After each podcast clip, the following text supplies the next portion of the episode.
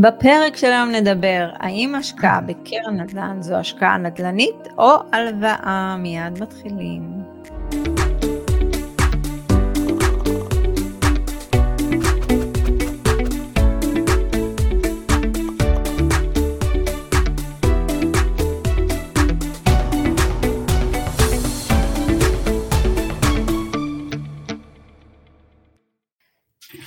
שלום לכולם, עדי בן אדר דהן ורוני אגה, צוות פמילי אקזיט, מובילים אתכם בתהליך אימוני רווחי ועוצמתי לבניית תיק נכסים מניב. לא נרשמתם לערוץ יוטיוב שלנו? אוי ואבוי, חבר'ה, התרומות הולכות כל חודש לעמותה אחרת. החודש הזה תרמנו לילדי ורייטי, חודש שעבר תרמנו לעמותה של חרשים, וכל חודש תורמים לעמותה אחרת, אז uh, אתם חלק מהמיזם הזה, אז תצפו ותאזינו בערוץ. חוץ מזה, אינסטגרם, השתדרגנו, תבואו לשם, כיף חיים, רוני החתיך עם סרטון הורס, וגם אני, uh, אבל אני לא חתיך, אם כבר חתיכה, נכון? וזה זה לא נשמע טוב.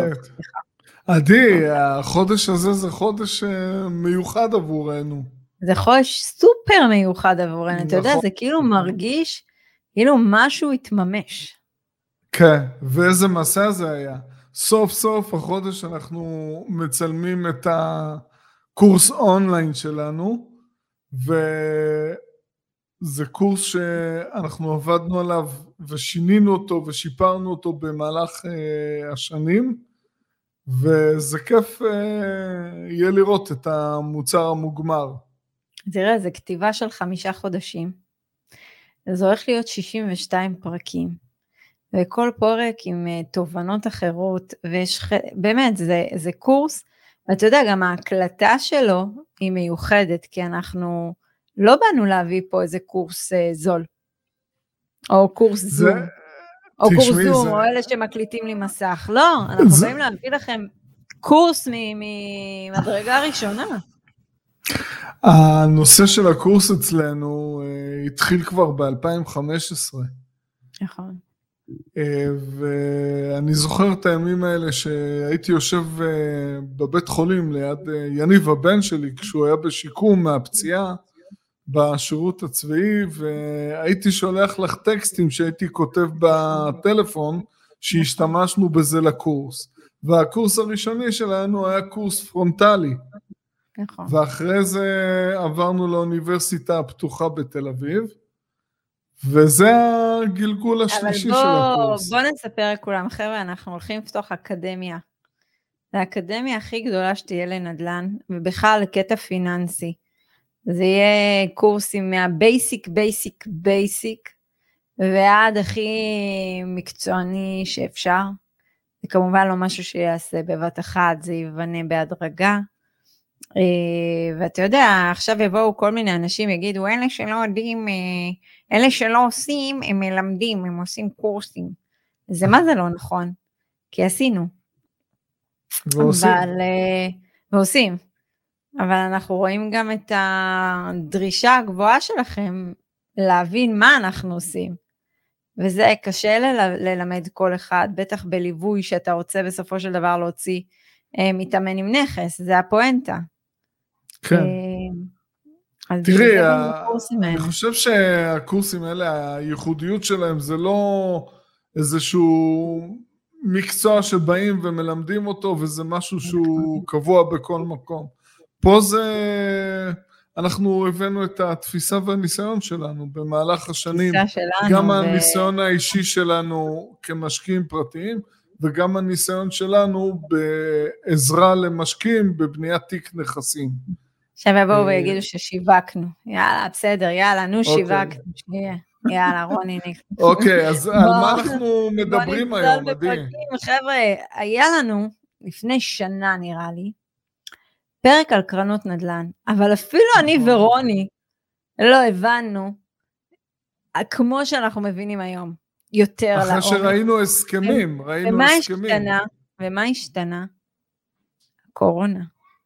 זאת אומרת שהקלטנו את הפרק הזה, זה היה לפני הקורונה, וכשאמרנו את הפרק הזה, איך אתם יכולים לצפות מה יהיה בשוק, ואז נכון. כאילו שהגיעה הקורונה, זה די טרף לנו את הקלפים, כאילו, כאילו די הבנו את כל מה שדיברנו עליו, והיום אנחנו רוצים לתת לכם, ונתנו כותרת טיפה אחרת, כי אמרנו, שמה זה קרן נדל"ן? מה זה? זה השקעה פיננסית? זה השקעה נדל"נית? זה הסכם הלוואה? מה זה המוצר הזה? כי זה מוצר. אז עדי, בוא נתחיל אתם צריכים להבין אותו. אז בואו נתחיל... נתחיל מאיפה זה נוצר בכלל. אז, אז, אז בואו נתחיל קודם כל, אני חייבת להגיד משהו, וזה משהו ש, שאם שומעים אותנו, אנחנו לא נגד המוצר הזה.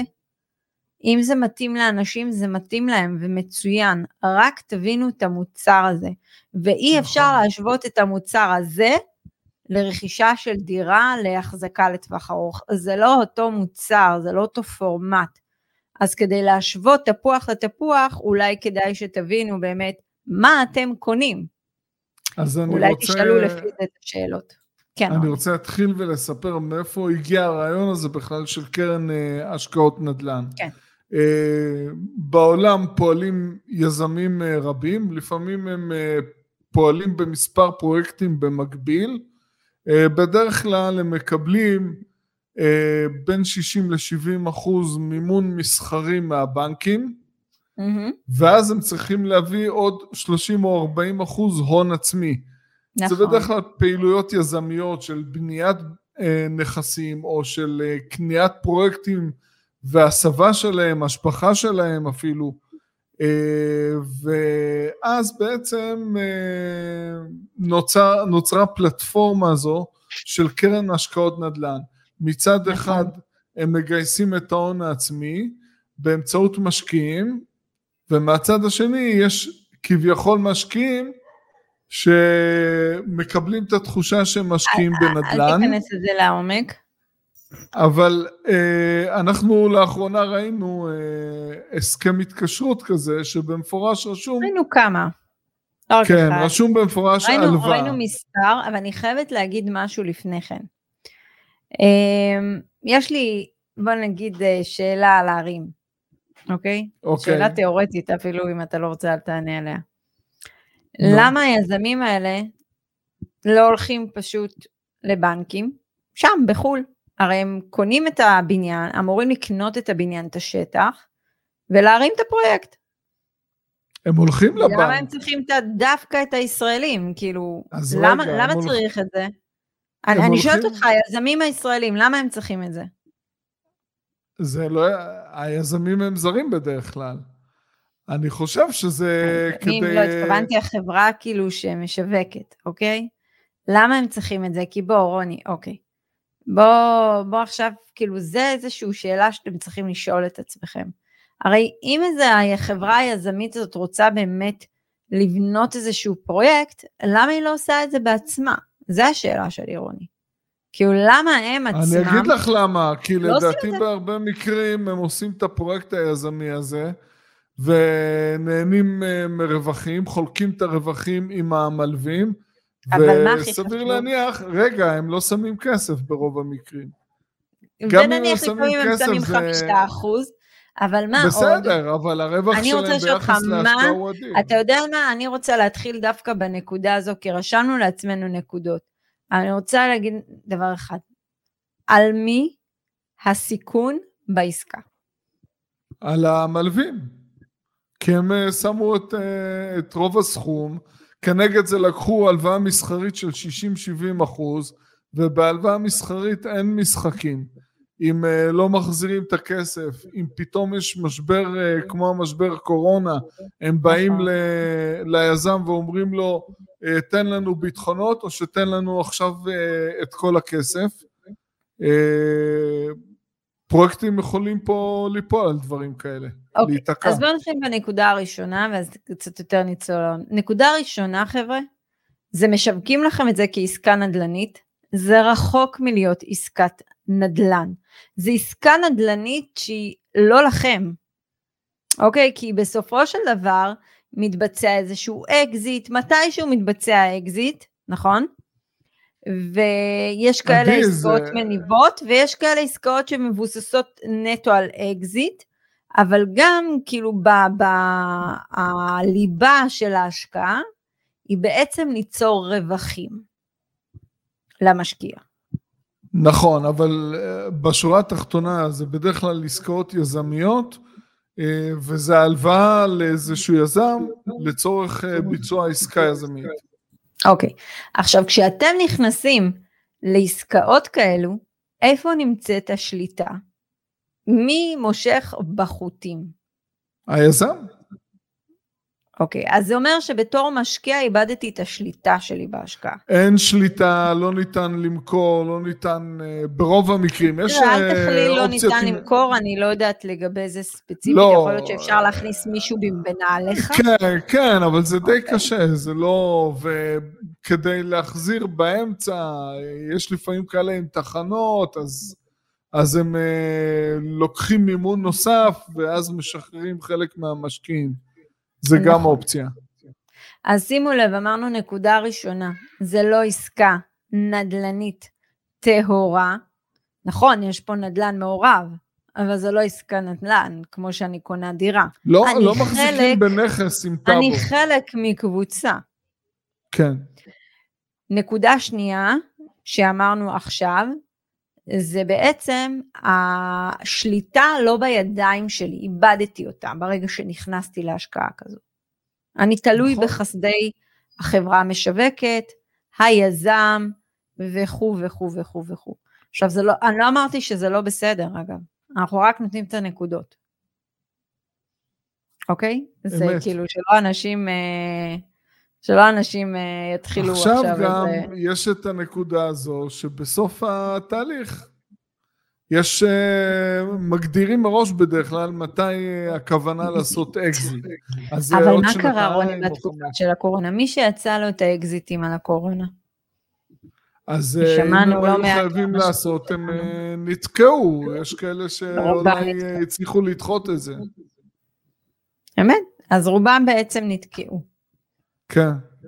ולא מימשו, והרבה מהם, אז, אז זה לגבי אקזיט, כשאתם באים לעסקאות לרוב תראו מתי האקזיט, אם האקזיט בטווח של מספר שנים חמש, אה, לפעמים גם שמענו שבע, לפעמים שלוש, אתם צריכים להבין שאתם תלויים פה בתנאי השוק. מי נכון. שלדוגמה יצא לו אה, על, ה, על הקורונה, וואלה, לא, לא, ש... לא הלך לו טוב. מי שיצא לו בלונדון במיקום מעולה, בדיוק בהחלטה לברקזיט, והוא השקיע שקלים חטף. וקיבל בפאונדים, גם חטף. נכון, אז מימש. תשימו לב ל... נכון, אז תשימו לב. אז יש פה חשיפה. נכון. עוד פעם. עכשיו, מה שדבר נוסף שאתם לא מבינים, היזם, או לא משנה, אתם כקבוצה באים לקנות מבנה מסוים. עכשיו נניח אתם שמים 150 אלף ואתם קבוצה של 35 איש, לרוב זה עד 35 איש. כן, כן. כי אם לא, זה בעצם צריך לעבור תשקיף וחלים עליהם קצת כן. חוקים שונים, לרוב זה עד 35 איש. ואתם באמת חושבים שבתור 35 איש, שנניח אחד מכם שם 200 אלף, אחד 100 אלף, אחד 400, באמת אפשר לקנות בניין? בסדר גודל שמראים לכם? לא. אז הם אה, צריכים להבין שמעורב פה מימון, יש פה אה? מימון. אה? לא, אבל את יודעת איפה הבעיה די? אנחנו נחשפנו ללא מעט מקרים שמשקיעים באסטרטגיה הזו, לקחו מימון בארץ, והם לא הבינו שכנגד ההון שהם משקיעים לוקחים עוד מימון. אז הם הגיעו למצב של 100% מינוף. 30 אחוז, מה שהם השקיעו, הלוואה לכל מטרה מישראל, ועוד 60-70 אחוז אה, הלוואה מסחרית בחו"ל. נכון, אני מסכימה. ומדובר בעסקה יזמית, אז זה סיכון על גבי סיכון על גבי סיכון. מסכימה איתך.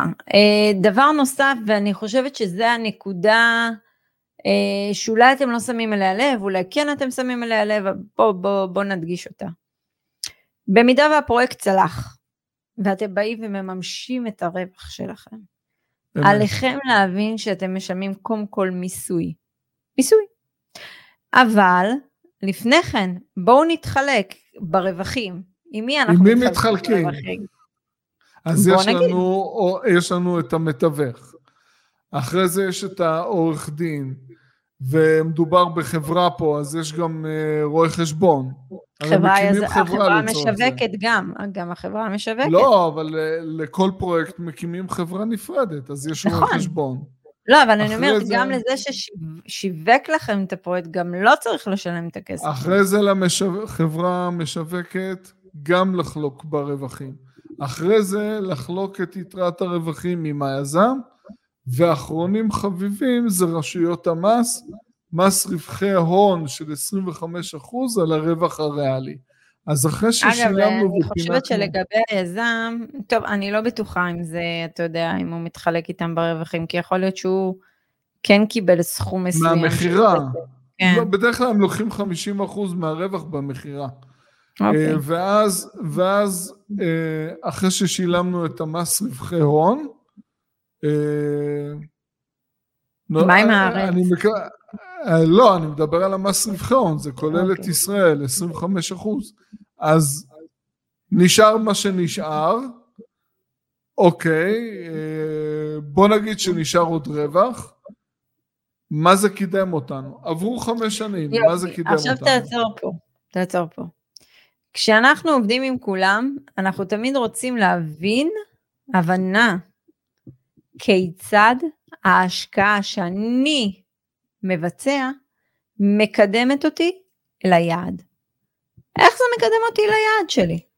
אז בוא נדבר איך זה מקדם באופן בסיסי. אז אני רוצה אנחנו... להעלות עוד נקודה לפני שאתה עולה. סליחה, רוני. אוקיי. יש uh, כנראה איזושהי אסטרטגיה חדשה בשוק, שגם uh, מוכרים את הבית, והכספים שנשארים משקיעים אותם בקרנות, ויוצאים לעצמאות כלכלית. שמעת על האסטרטגיה הזו? זאת אומרת, לוקחים בית מגורים אה, סולידי, למרות שאנחנו כן. מדברים על מדינת ישראל, עם פוטנציאל בלתי מוגבל לאורך זמן של עליית ערך ועלייה של השכירויות. נכון. מוכרים אותו ומשקיעים נכון. אותו בהלוואה לעסקאות יזמיות בחו"ל. את עסקאות עם מגורים. הרמת סיכון יותר גבוהה. את רוב ההון המשפחתי נכון. משקיעים, ב... נותנים אותו כהלוואה ליזם נדל"ן בחו"ל. אבל חוץ מדירת המגורים אפשר גם לא, אבל אני שואל אם אה, אלה שעושים את זה הבינו מה מדובר. מכרו דירת מגורים ושלחו את זה כ... העבירו אוקיי, את זה כהלוואה. בוא נעשה סימולציה, בא לך? בבקשה. מפתיע. כן. חשבון יש, של פעם, חבר'ה קסיו של פעם, כן. אז בוא נניח מישהו מכר אה, דירת מגורים או דירה להשקעה בישראל, ונשאר ביד עם מיליון שקל. בסדר? כדי שזה יהיה מחירים שקלים לנו להבנה. ואת המיליון שקל האלה הוא השקיע בקרן השקעות. כמה מבטיחים לו תשואה לשנה? ברוטו. 15. אוקיי, ברוטו 15. כן, אתה מסכים איתי? אז סבבה. אה, אז בוא נעשה... לא, אני לא יכול, עדי, אף אחד לא מבטיח. הערכות. זה לא מבטיחים. בסדר, נו, מתי זה מתממש, רוני? זה אומר שנניח שלוש שנים, אנחנו מדברים על סדר גודל לא, של חצי מיליון שקל. לא, תעשי לפי חמש שנים, עדי. חמש? לא, עשיתי שלוש, כן. בוא נעשה שלוש. נניח במשך שלוש שנים דובר על סדר גודל של חצי מיליון שקל, נכון? כמעט, כן. למה? 45 אחוז. לא, אבל זה ריבית דריבית כביכול, לא? זה לא עובד ככה אצלם? לא, לא, לא. לא? אוקיי. את יודעת, נו, אוקיי. אוקיי, אז, אז סבבה, 450 אלף שקל, סבבה? עכשיו, כן. זה הרווח, נכון? אוקיי. עכשיו, מתוך זה כמה מורידים להם על הרווח? 50 אחוז? לא, רגע, עדי, את צריכה להוריד את המתווך, עורך דין, לא, לא, עזוב, נו, בוא, נעשה את זה יבש בלי טחינה, בסדר, לא, יבש. אז, תעשי בערך 53 אה, אחוז. אנחנו מדברים שנייה, 53 אחוז. אוקיי, סבבה. מ-450 אנחנו גוזרים אה, רווח, נשאר למשקיע 47 אחוז ביד. 211 אוקיי. אלף שקלים, סבבה? לפני מס. לפני מס. עכשיו כן. בוא, בוא נוריד מס, בסדר? עכשיו אנחנו עושים את זה, חבר'ה, ככה. 158 אלף שקל, סבבה? כן. אוקיי, על השקעה של מיליון שקל, כשאנחנו מדברים על זה, אז בעצם בעוד שלוש שנים, יש לי מיליון מאה חמישים ושמונה. אני רוצה להבין איך מזה יוצאים לעצמאות כלכלית. תסביר לא, לי. לא, עכשיו, אני אגיד לך, אז עכשיו הוא ילך לקנות אה, דירת מגורים להשקעה שתיתן לו הכנסה חודשית פסיבית. כמה? ואז יהיה לו עלויות אה, רואה חשבון, אה, סליחה, עורך דין ותיווך. נו. ובינתיים מה קרה? השוק, אה, יכול להיות שהדירה הזו שהייתה בזמנו המיליון שקלים הספיקו לו, אז עכשיו הוא יצטרך אה, לשלם אה, הרבה יותר, יכול להיות שהשוק עלה ב-20%. רגע, אתה יודע מה? זורמת איתך, זורמת איתך. נניח יש לבן אדם עכשיו ביד מיליון מאה חמישים, הולך לקנות דירה להשקעה, בתשואה, אתה יודע מה? בוא נפריז, חמישה אחוזים. יש לו 4,700 שקלים הכנסה. עכשיו בוא ניקח את המיליון ההתחלתי, ההתחלתי ונשקיע אותו בנכס עם אותו תשואה של 5%, סבבה? בשנה... אבל זה לא ככה, רגע, רגע, נכון, זה לא הוגן מה שאת עושה ככה. למה? כי, כי שם יש לו 60-70 אחוז מינוף. את צריכה לקחת את המיליון שקל, מיליון שקל משכנתה. אבל בכוונה רגע רוצה לעשות ככה, ואז אחר כך אני אעשה, אחר כך אני עושה את מה שאתה אומר. אוקיי. בואו בוא נעשה רגע מסודר. הראשון, מה שאמרנו זה לקחנו מיליון שקל, השקענו בקרן השקעות, כמו שאתם מבינים, נשארנו עם מיליון 158 אלף שקלים. באנו בארץ, השקענו את זה בתשואה של חמישה אחוזים, יצא לי 4,700 שקלים. אתם מבינים שמזה אין עצמאות כלכלית. קודם כל, זה נקודה ראשונה, סגרנו פה פינה, נכון? יופי. עכשיו, נניח ובמקום קרן ההשקעות, הייתי משקיעה את המיליון שקלים בדירה בחמישה אחוזים. זה אומר שבשנה היה לי חמישים אלף שקל. נכון? זה כבר אומר שבשלוש שנים, רגע, בשלוש שנים, נכון? בשלוש שנים, השגתי את ה-150 אלף שקל האלה, אבל זה נכס שלי, ולא השתמשתי במינוף, נכון? אז קודם כל, מיסים. הייתה עליית ערך, היה הכל, הייתה עליית ערך, היה הכל, כן? עכשיו, אנחנו לא אומרים שמנכס כזה תצאו לעצמאות כלכלית, אבל בואו שנייה נפתח את זה. עד כאן שתי הדוגמאות, כביכול break even. אני עושה break even כי לא החשבנו פה פוטנציאל לעליית ערך, של אפילו, אתה יודע, 3 אחוז. כבר ההשקעה בדירת, אה, דירה להשקעה הייתה מנצחת את הקרן השקעות, כי לא היה פה סיכון, את הסיכון שהם לקחו. נכון. ולקחנו 15 אחוז רווח לשנה, שבואו, כאילו, זה לא פשוט להשיג דבר כזה. עכשיו בואו ניקח את המיליון שקלים שרוני אמר, וניקח 50 אחוז מינוף, סבבה? בסדר רוני? את יודעת מה? 70 אחוז בלון. אה, איזה, איזה עף אתה עכשיו פה. למה? קניתי שתי נכסים במיליון שקלים, אחרי שלוש שנים הלכתי ומשכתי 70 אחוז בלון מהמחיר החדש שלהם. אז לא, המחיר החדש... אתה יודע מה, שזה, שזה יהיה פרוני, תעשה 50 אחוז בלון. בוא. שזה, אוקיי. שזה יהיה פייר. אז אתה יודע אוקיי. מה, אז אנחנו אומרים דבר כזה, בואו ניקח מיליון רגע, שקלים. רגע, במקום, במקום למכור כמו במקרה של האקזיט בקרן לא, לא, לא, השקעות, לא, לא, פה אנחנו עושים מינוף. לא, עושים מינוף אחרי שלוש כן, שנים. כן, עכשיו אנחנו עושים מינוף, יפה. אוקיי. אני לוקחת אפילו ריבית של 3.5 אחוז, סבבה? רגע, כמה נשאר לך ב... רגע, כמה רגע, שווה רגע, הנכס שנייה. למינוף? שנייה, אז אנחנו קונים נכס בשתי מיליון שקלים. שתי מיליון, נכון? אמרנו לא, שתי מיליון. לא, אמרת, אמרת את לוקחת במיליון. לא, יש לי מיליון מזומן, ואני לוקחת עכשיו עוד 50 אחוז, כאילו, אני, אני לוקחת כאילו למה? נכס ששווה 2 מיליון. מיליון. לא, נכס ששווה 2 מיליון, יש לי עליו מיליון שקל הלוואת בלון. 50 אחוז. אוקיי. סבבה. עכשיו, על מיליון שקלים הלוואת בלון בריבית של שלוש וחצי אחוז, תצטרכו לשלם אה, 2,900 שקלים לחודש. אבל שנייה, מה השכירות החודשית שיהיה לנו, רוני? בחמישה אחוזים תשואה, בסדר? בואו נעוף על עצמנו. שמונת אלפים שקלים. כן. שמונת אלפים שקלים לזה, לחודש. עכשיו בוא נוריד 3,000 שקל מימון, כמה נשאר לי?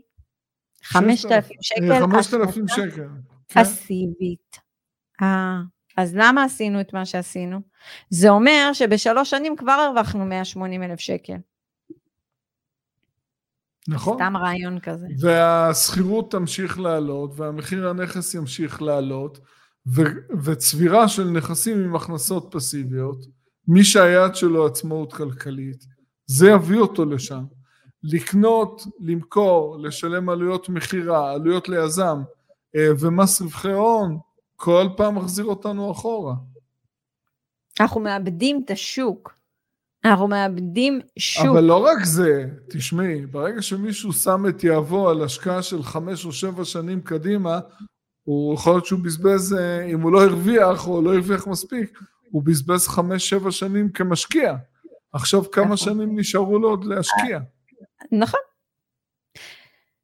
חבר'ה, תראו, זה מה שעשינו פה, אגב, רוני ואני לא התכוונו לפתח פה איזה סטאדי קייס, זה באמת היה במקרה. Uh, כמו שראיתם, זה לא יצא גם מאורגן, בדרך כלל אנחנו מתארגנים מראש, כן. אבל זה היה אותנטי, אותנטי, אנחנו בקטע של אותנטיות. Uh, אז זה היה מאוד אותנטי מה שעשינו, אז אני רק רוצה לחזור. אופציה ראשונה, מוכרים דירה להשקעה או מגורים בארץ, נשארים מיליון שקל, משקיעים בקרן השקעות, שלוש שנים, נשארנו עם רווח של 150 אלף שקל. אוקיי? תנסו לשכפל את ההשקעה הזאת כל איקס שנים, זה בטוח לא יקדם אתכם לעצמאות כלכלית. זה אחד. ומתישהו השקעה תיפול, שאלה מתי. אמ, זה אופציה אחת. אופציה שנייה, אמרנו, לוקחים את המיליון שקלים האלה, משקיעים אותם בארץ בדירה, או לא משנה איפשהו בדירה, בחמישה אחוזי תשואה. אז כבר יש לנו שכירות חודשית, שבעצם בשלוש שנים אני מרוויחה 150 אלף שקל. זאת אומרת, אני break even, אבל יש לי נכס שלי בטאבו להשקעה, אני יכולה למשכן אותו, אני יכולה לעשות מה שאני רוצה איתו, אבל הוא שלי, אני בעלת השליטה. אופציה שלישית, לקחנו את המיליון, הוספנו עוד מיליון מימון בהלוואת בלון, השקענו את השתי מיליון, קיבלנו 8,300 שקל שכירות, פחות המימון שאנחנו משלמים שזה 3,000 שקלים, נשאר לנו ביד 5,000 שקלים, והנה לכם ההשקעה האולטימטיבית.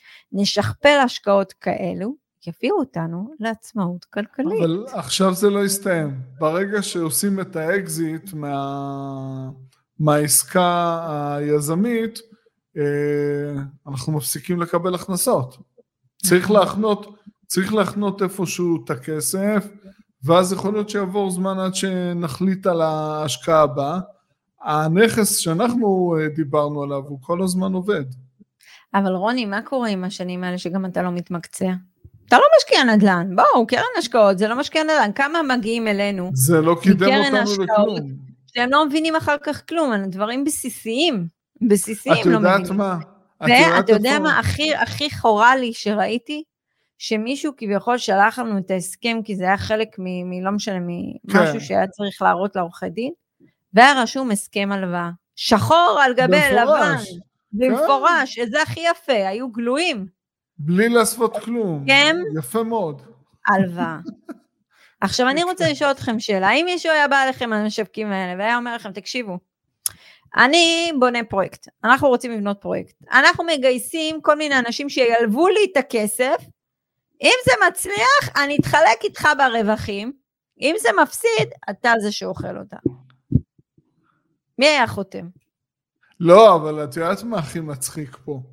כשבאים והמשווקים ומראים את ההשוואה לעומת השקעה בנכסים מניבים, והרבה יותר מזה כשמדובר בהשקעה בנכסים מניבים בחו"ל, הם אומרים לך אין פה תעסוקה, אין טרדה. אבל חבר'ה, זה לא השקעה בנדל"ן, זה הלוואה. אז גם תיתנו בארץ הלוואה למדינת ישראל, או איגרת חוב של איזה חברה, אין לכם התעסקות. לא, זה כמו אנשים, הם חוסכים כסף, חוסכים, חוסכים, נותנים לאנשים להשקיע להם, וזהו, יאללה, סבבה, אני אעשה מיליונים ככה.